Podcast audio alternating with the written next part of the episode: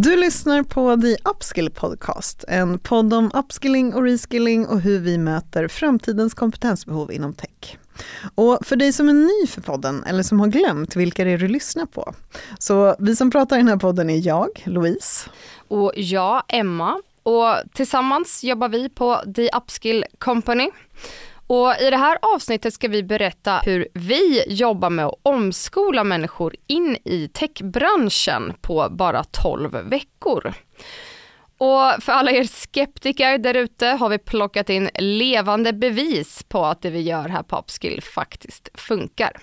Och det är två av våra karriärbytare, eller upskillare som vi kallar dem, som kommer hit och berättar om den resa de har gjort.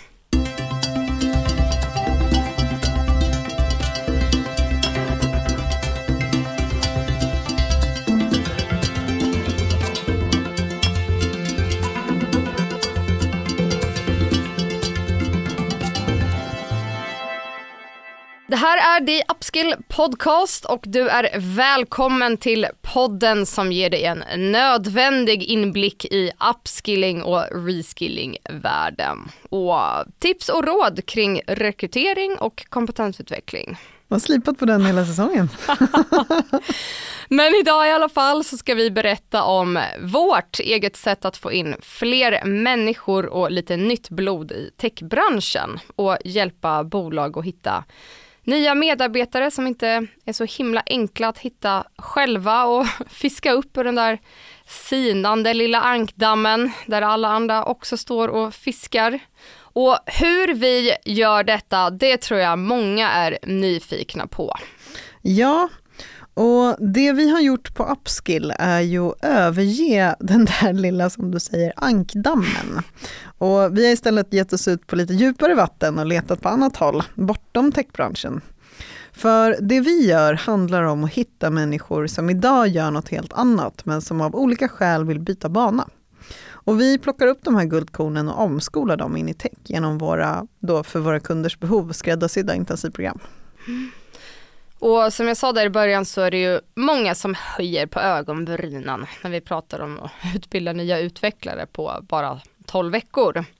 Men varför det här funkar är ju för att vi ett, eh, hittar rätt person in och för att vi två verkligen bara fokuserar på det man kommer att behöva kunna i början i sin nya roll. Eh, och då är 12 veckor faktiskt ganska mycket. Och bara för att ge lite kontext där, vi har ju faktiskt eh, räknat och jämfört antalet liksom, timmar som man aktivt kodar och jobbar praktiskt med det här. Ehm, och vi hinner faktiskt med ungefär lika mycket på våra 12 veckor som man gör under då flera år på de mer traditionella utbildningarna. Det är ju helt sjukt. Ja, det är faktiskt lite galet. Men det absolut viktigaste i vår process, det är ju att hitta rätt människor för det här. För även om våra intensivprogram är ett, som vi brukar säga, effektivt sätt att ta sig in i branschen, så betyder inte det att det är lätt. Så det gäller verkligen att hitta människor som har kapacitet och klara av de här väldigt intensiva och tuffa veckorna och sen kunna börja i en helt ny roll efter det. Exakt, och som du sa Emma tidigare så har vi plockat in två sådana här guldkorn till människor och därtill levande bevis på att det vi gör funkar under rätt förutsättningar. Och det är inga mindre än Simon Björkén som gick vårt Azure-program och Matilda Hjalte från vår allra första klass som läste SAP EVM. Otroligt varmt välkomna hit! Tack så mycket! Tack, kul att vara här. Sjukt kul att vara här. Det är många som man pratat om podden så här, när ska ni plocka in några av era appskillare? ja, det är sant. Nu händer det. Exakt, mm. så ni är efterlängtade. Mm. Men om vi börjar då lite med, eh, kan börja med dig Matilda. Mm. Om du vill berätta bara kort om vem du är och vad du gjorde innan du hamnade här hos oss på Upskill. Yes, Matilda Hjalte heter jag. Eh, jag är född i Uppsala, uppväxt i Falkenberg på västkusten. Eh, och vad pysslade jag med innan eh, jag eh, hamnade i upskill-programmet? Jag eh, hade pluggat på college i USA och eh, sysslat med marknadsföring jag läste företagsadministration eh, och mitt major var då advertising marketing och eh, ja, hade pysslat med det. och sen kom ju den berömda coronapandemin och där så förlorade jag mitt, min, min tjänst som jag hade då. och då började jag leta andra grejer. Mm. Så att där någonstans så, så gjorde jag ett val som sen banade eh, vägen för resten av, resten av mitt liv. Nej, men resten av min karriär då. Eh, och nu sitter jag som konsult faktiskt på ett eh, IT-bolag mm. och trivs väldigt bra. Det är superkul, händer grejer och eh, ja, det är högt tempo och det är ja, jättekul. Men, det ja. mm. Simon, ja, samma um, fråga till dig. Jag um, var ju under coronapandemin start så höll jag på att göra mitt kandidatarbete. Så jag studerade biomedicin och, eh, här i Stockholm.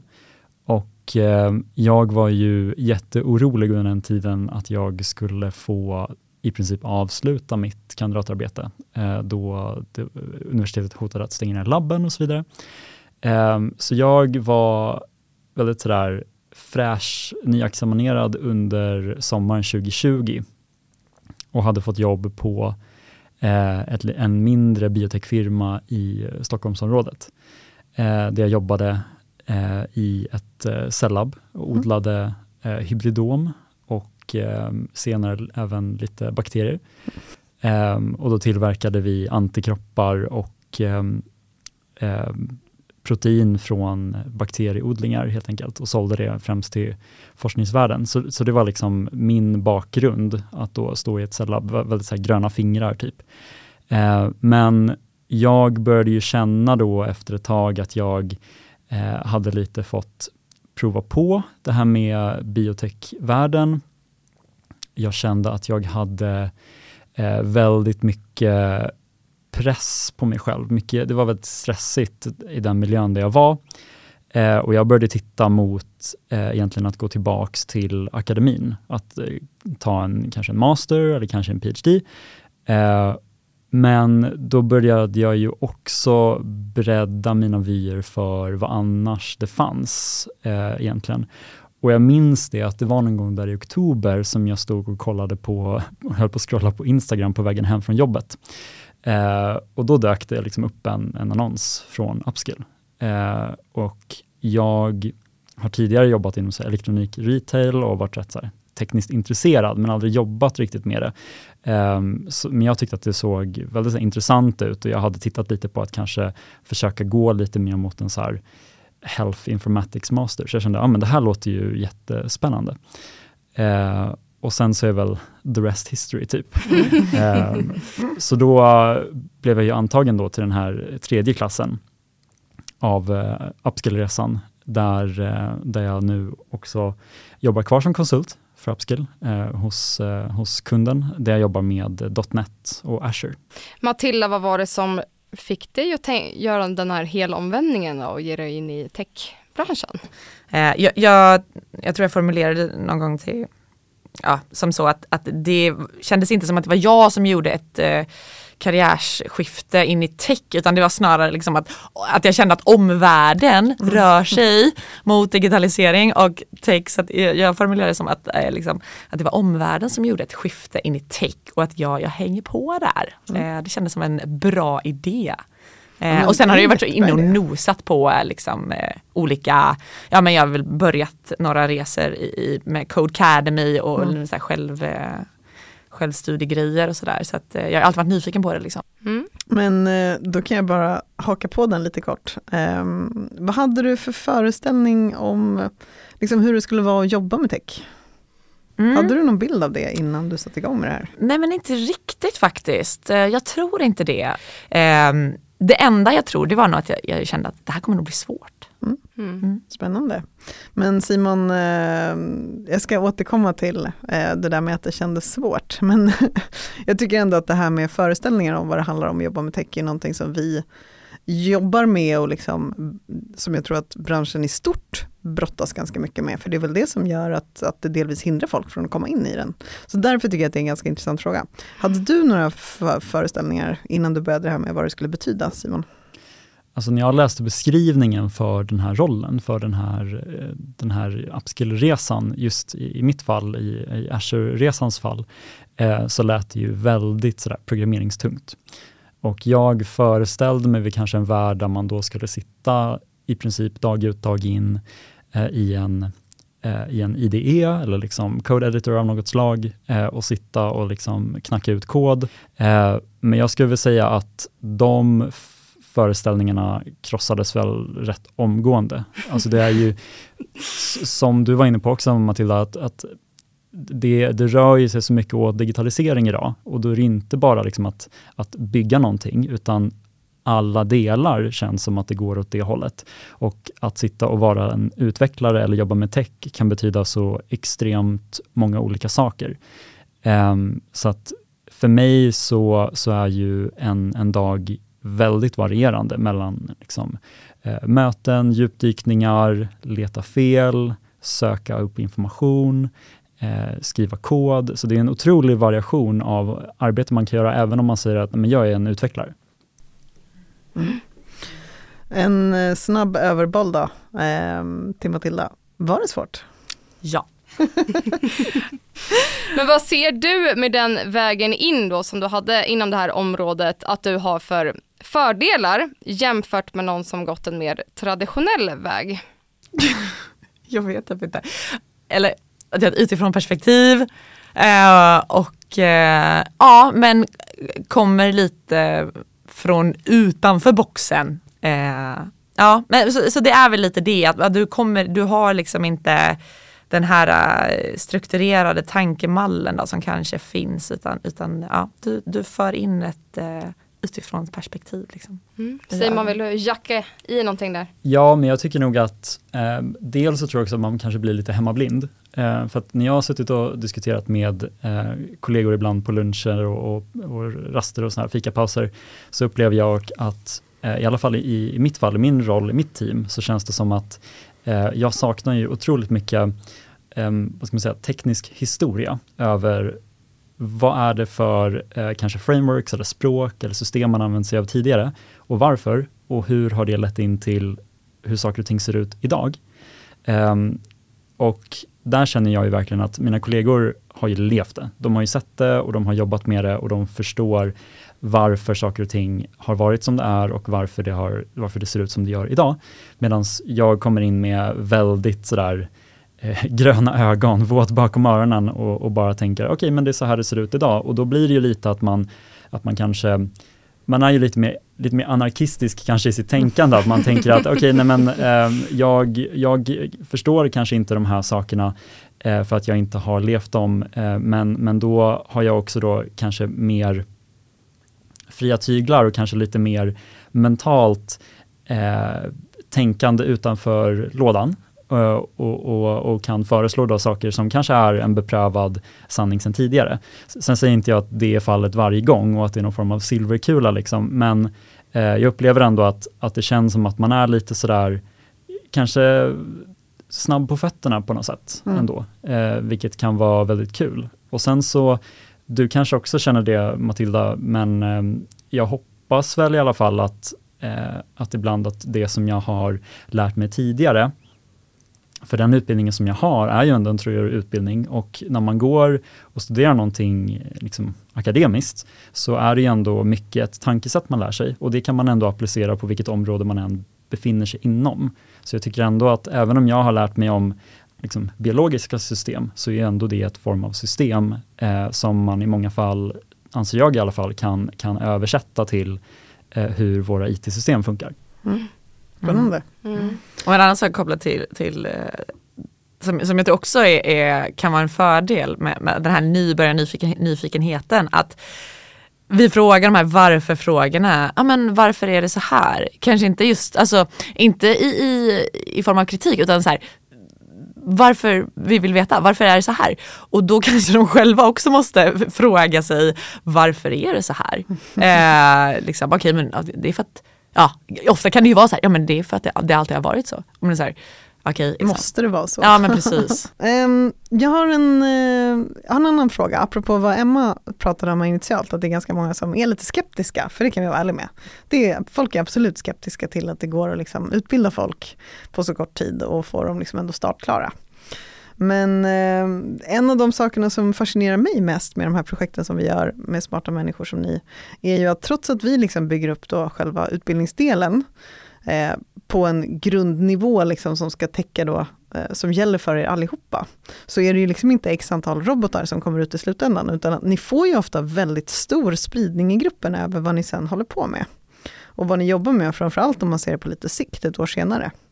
Eh, vad tror ni att liksom den där, att, att det går att få sån spridning ändå, vad tror ni att det beror på? Alltså jag tycker bara det understryker hur eh, stor del eh, faktiskt lärandet på jobbet är. Jag, jag tänker det utbildning och sånt eh, är liksom en språngbräda och sen så blir man formad och får kunskap i arbetet. Eh, och det, ja. Och sen tror jag också att det har eh, att göra med också att vi kommer inte in oformade heller i den här utbildningen, utan vi kommer ju också in med eget bagage, egen historia, egna kompetenser. Eh, till exempel då i min klass så, så har jag ju en eh, tidigare filmskapare, en astrofysiker, psykolog eh, och det medför ju en form av färgning på hur man ser sitt arbete och vad man är intresserad av. Eh, så min astrofysikerkollega till exempel, eh, hon blev ju väldigt snabbt indragen och börj- att börja jobba med eh, machine learning till exempel. Så hon började ju direkt eh, specialisera sig in mot det. Eh, medans ehm, i mitt fall då till exempel så började jag jobba med, eh, med, med någonting som heter Logic Apps och Function Apps och Service Bus till exempel som, som, eh, som vi fick del av under vår utbildning. Och jag tror att just det också med att om man är skeptisk och känner att nej men kan man verkligen lära sig så här mycket på så kort tid? Eh, om man, I mitt fall i alla fall, eh, så kände jag att även om jag har gått en treårig utbildning eh, inom biomedicin då, och det var någonting som jag även jobbade med efter det, efter min utbildning, så var det ju inte som att jag använde 100% av min utbildning varje dag, utan man använde ju en liten procent av det rent eh, praktiskt. Men i en sån här typ av liksom crash course eller väldigt skräddarsydd utbildning så blir det ju att man använder sig av allt, så man introduceras för ett koncept, jobbar med konceptet och därmed så sitter det i ryggmärgen väldigt snabbt. Eh, så jag tycker väl snarare att den här typen av så här snabba problembaserade utbildningarna gör att det sitter ju mycket bättre än någonting som, som jag kanske lärt mig för, för fyra år sedan nu, eh, som jag inte ens använt i mitt arbetsliv. Hur långt skulle ni säga då? Det var ju två år sedan typ som du tog examen Matilda och ett och ett halvt år sedan för dig va Simon? Mm. Hur långt känner ni själva att ni liksom har kommit ifrån den där, när ni stod där nyexade efter 12 veckor och till där ni är idag? Alltså jag känner väl att jag har blivit otroligt mycket varmare i kläderna. Alltså jag känner mig väldigt mycket mer bekväm i de tekniker som jag fick utbilda mig. Eh, så det, är en, det är en helt annan skillnad mellan vart jag var under examensdagen och vart jag är idag i termer om hur bekväm jag är i det jag jobbar med, även om jag jobbar med samma saker. Mm. Hur känner du Matilda? Ja, alltså vet du vad jag känner nu? Jag känner så här, vad kul för dig Simon att du är så bekväm. Eh, nej, för att jag känner mer så här att jag kommer aldrig kunna kunna mitt område fullt ut. Jag kommer aldrig bli fullärd. Och det kommer alltid finnas nya saker som jag inte har stött på tidigare. Och utvecklingen av SAP går så himla fort också. Så att så här, det kommer inte bara vara området som, som eh, liksom breddar sig utan, utan SAP levererar också nya releaser hela, hela, hela tiden. Så det är bara så här hänga på och lär dig att eh, hantera det. Men är du bekväm med det då? Ja, jag börjar bli, ja. Jag tror att du sa någonting viktigt där också Matilda, att, att eh, när man pratar om att vara bekväm i sin roll, eh, jag, jag vet inte om det är just unikt för tech, men jag tycker att det är en klar skillnad från det jag var tidigare eh, i mitt arbetsliv, eh, att det händer så mycket nytt hela tiden i tech, hela tiden, alltså från månad till månad så kommer det ju nya saker. Så att det handlar ju om att, eh, att vara, som du säger, bekväm i att jag kommer att inte fatta allting. Mm. Jag kommer att behöva fråga personer om hjälp med vissa saker och jag kommer hela tiden att behöva sitta och googla, gå in på Stack Overflow och se hur gör man de här sakerna? För Mm. det finns alltid fler saker man kan göra med verktygen man lär sig. Mm. Eh, och att det får man helt enkelt köpa. Mm. Och det är ju den biten som jag kan tycka är jobbigt till en början. För det är ju aldrig kul att ge sig in i någonting och hela tiden känna att varför är jag dum i huvudet? eh, varför fattar jag inte de här sakerna? Varför känns det så svårt? Även om jag ska göra nästan samma sak flera gånger om. Varför känns det som att jag är på ruta ett varje gång jag gör det här? Men det handlar ju just om att nej men det är så det funkar. Mm. Och att sitta och till exempel och, och googla och se hur ska jag göra den här väldigt specifika saken. Det är standard, det är så det funkar. Ja men och det där tycker jag är mm, liksom bra brygga in till någonting som vi, eller som jag som då har mycket kontakt med våra kunder pratar väldigt mycket om att här, egentligen den stora vinsten med att göra, få in den här typen av människor som ni nu då representerar här idag, är liksom inte att de exakt vad de kan den dagen de kommer ut liksom från utbildningen. Utan den stora vinsten blir i förlängningen över för att här får ni folk som har dokumenterad erfarenhet och egenskaper liksom som gör att de kan lära sig någonting helt nytt på 12 veckor. Så det borgar för att all den här utvecklingen som sker och med hastigheten som det sker, så får ni in folk som vet att de fixar det. Det är ju liksom den stora vinsten av att göra det här. Mm. Men då gör det att jag också vill ställa en fråga. Nämligen de här 12 veckorna, liksom, det är många som stirrar sig blinda på dem. Och jag tycker att det, jag blir alltid lika avundsjuk när vi liksom får er som börjar för att det verkar så himla härligt att få ägna sig så helhjärtat åt något.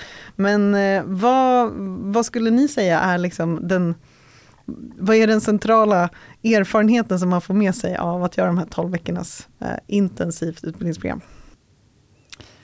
Jag skulle säga att den största lärdomen är att eh, man får lite svälja sin heder, Mm. eh, ställa mycket frågor och att det inte är värt att stirra sig blind på ett problem och hoppas på att man ska lösa det själv till slut. För att du kommer vara duktig på att lära dig någonting specifikt väldigt snabbt.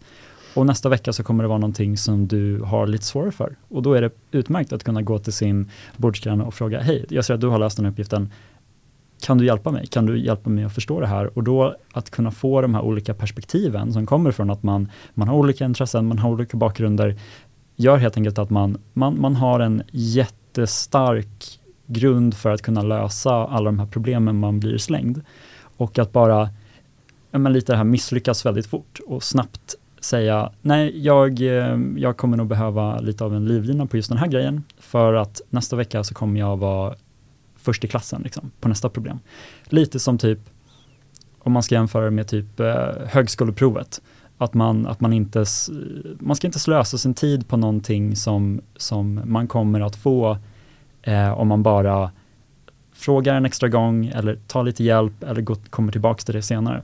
Utan att man ska, man ska vara väldigt fokuserad i sitt lärande. Och det tycker jag verkligen att, att lära sig hur man lär sig saker väldigt snabbt och verkligen sätta det på prov och känna att men jag kan det här.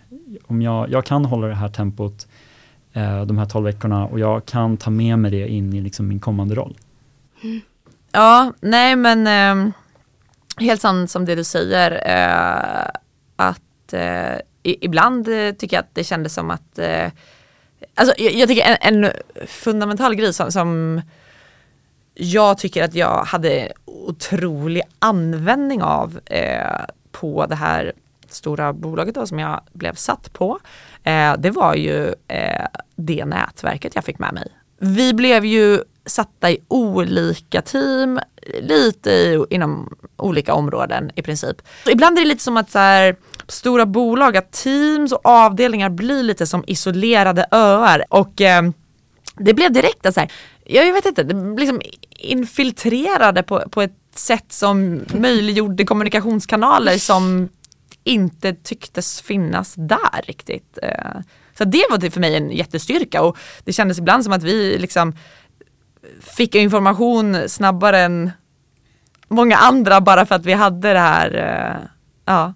Håller, håller helt med på den Mm. fronten. Man blir som insprängd eh, som så här, fett i en wagyu biff. typ. Ja, Alltså, det- visst, visst. Exakt. Och man fick nästan liksom så här, alltså jag säger inte längre att så här, liksom sluta säga ordet upskill tror jag för jag kände att så här okej okay, de vet ändå vart vi kommer ifrån. Eh, bara vi inte säga att hon är från upskill utan vi säger bara ja men den här personen, vi, vi pratar med henne. Och bara, vi, allt. Men det är kul också hur mycket man hör, för jag märkte det eh, i avdelningen där jag hamnade och även prata med personer utanför, utanför min avdelning där jag sitter hos, eh, hos kunden som jag blev placerad hos. Eh, man har ju liksom anställda och andra konsulter, de pratar också om ja men upskill. Ja, du är en upskiller också, eller hur? Så det är liksom, ens rykte föregår på ett sätt sig själv också efter ett tag. Coolt. Men jag måste bara, vad tycker ni har varit det absolut roligaste med att göra det här som ni har gjort nu? Jag tycker att det är, man har ju liksom fått eh, lifelong friends liksom. Nej, men jag tycker att um, den här variationen i eh, både utbildningen och sen arbetet också har ju varit för mig en typ lifesaver. Eh, alltså det har ju varit så svårt och intensivt under utbildningen, men det är också det som har varit typ det mest givande. Eh, inte för att jag är någon så här extremsportare, men jag kan ändå kanske föreställa mig att, att det är väl lite det som är eh, det som är lockande, att man utsätter sig för någonting som är svårt och sen så klarar man av det och sen känner man oj, vad bra det här känns. Vad, vad Vilken sjukt bra liknelse. Mm, verkligen. Den ska jag sno. Vi pratade ju om fördelar då förut eh, med att göra det här och komma in i tech den här vägen.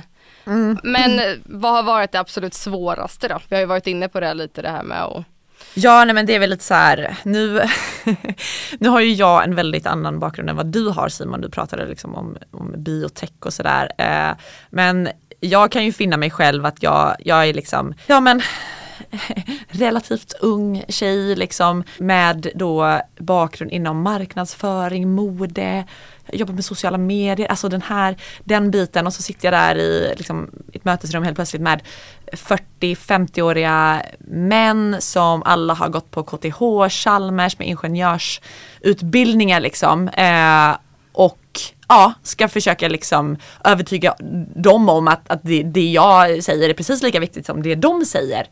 Eh, det blir väl lite att man, ja men du kanske känner att du ö, måste överkompensera lite, att du, att du måste kompensera liksom. Eh, och gör två timmars förstudie bara för att de kastade ut sig något ord som man inte visste vad det var liksom. Ja, men jag känner väl också eh, rätt liknande som dig Matilda, att man, man kan ju känna sig lite sådär ute på, på väldigt djupt vatten utan att riktigt känna vad som finns under en. Och man, man kanske känner ibland att så här, jag vet inte riktigt vad jag inte vet. Mm. Um, och, och då blir det ju som du säger, då får man ju dels ett driv att känna, okej okay, vad är det som jag saknar, vad är det som jag kan ta igen? Uh, men jag tror också att den andra biten av det också är att jag tror att um, någon person med en liksom formell längre utbildning inom det här kanske har mer vetskap om, om just de här grundläggande nivåerna. Alltså typ hur funkar, eh, inte jag, bits och bytes och liksom transistorer och sådana här saker.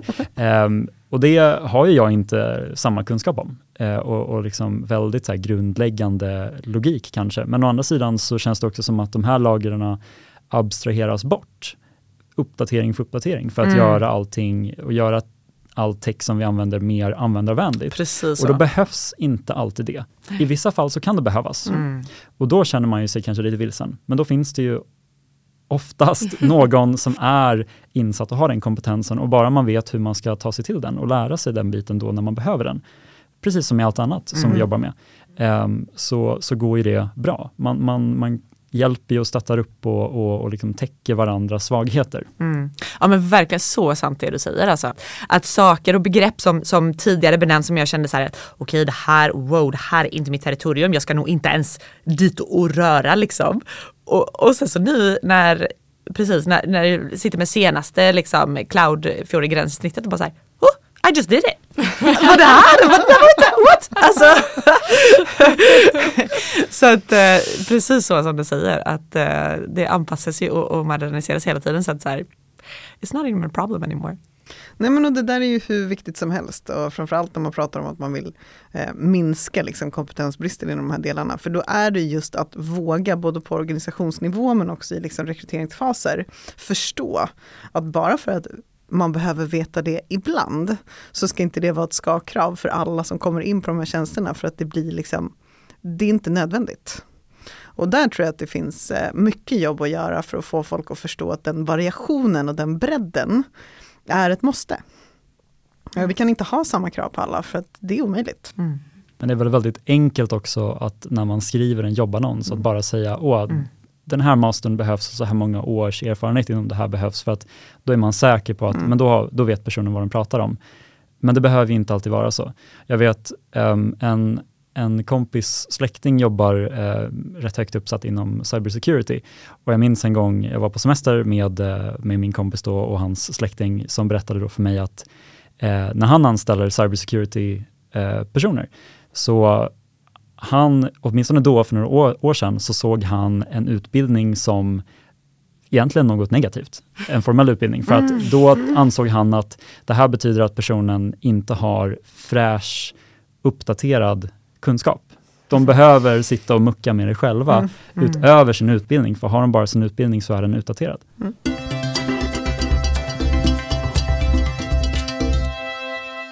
Finns det någonting som vi inte har pratat om här idag som ni skulle vilja addera och säga till de där då antingen skeptikerna där ute eller kanske ro, ännu roligare de som faktiskt eh, funderar på att göra det här då? Både kanske sådana som vill byta karriär själva eller om det kanske sitter någon där som funderar på att ta sig an ett sånt här upskill-projekt i sitt bolag. Alltså jag, vad jag har hört, nu, nu är man väl också lite sådär i och med att man, man har lite, man har skin in the game, så då hör man väl kanske bara saker som, är, som folk vill säga till ens ansikte. Men, men feedbacken som jag har fått och som jag har hört från, från alla håll som jag har hört feedback är att det har varit väldigt positivt. Att folk har varit väldigt nöjda med eh, med min klass då, som har kommit in och fått eh, jobba med det som vi har blivit utbildade för, för eh, och har liksom kunnat eh, använda den utbildning vi fått, utföra det som vi blivit anställda för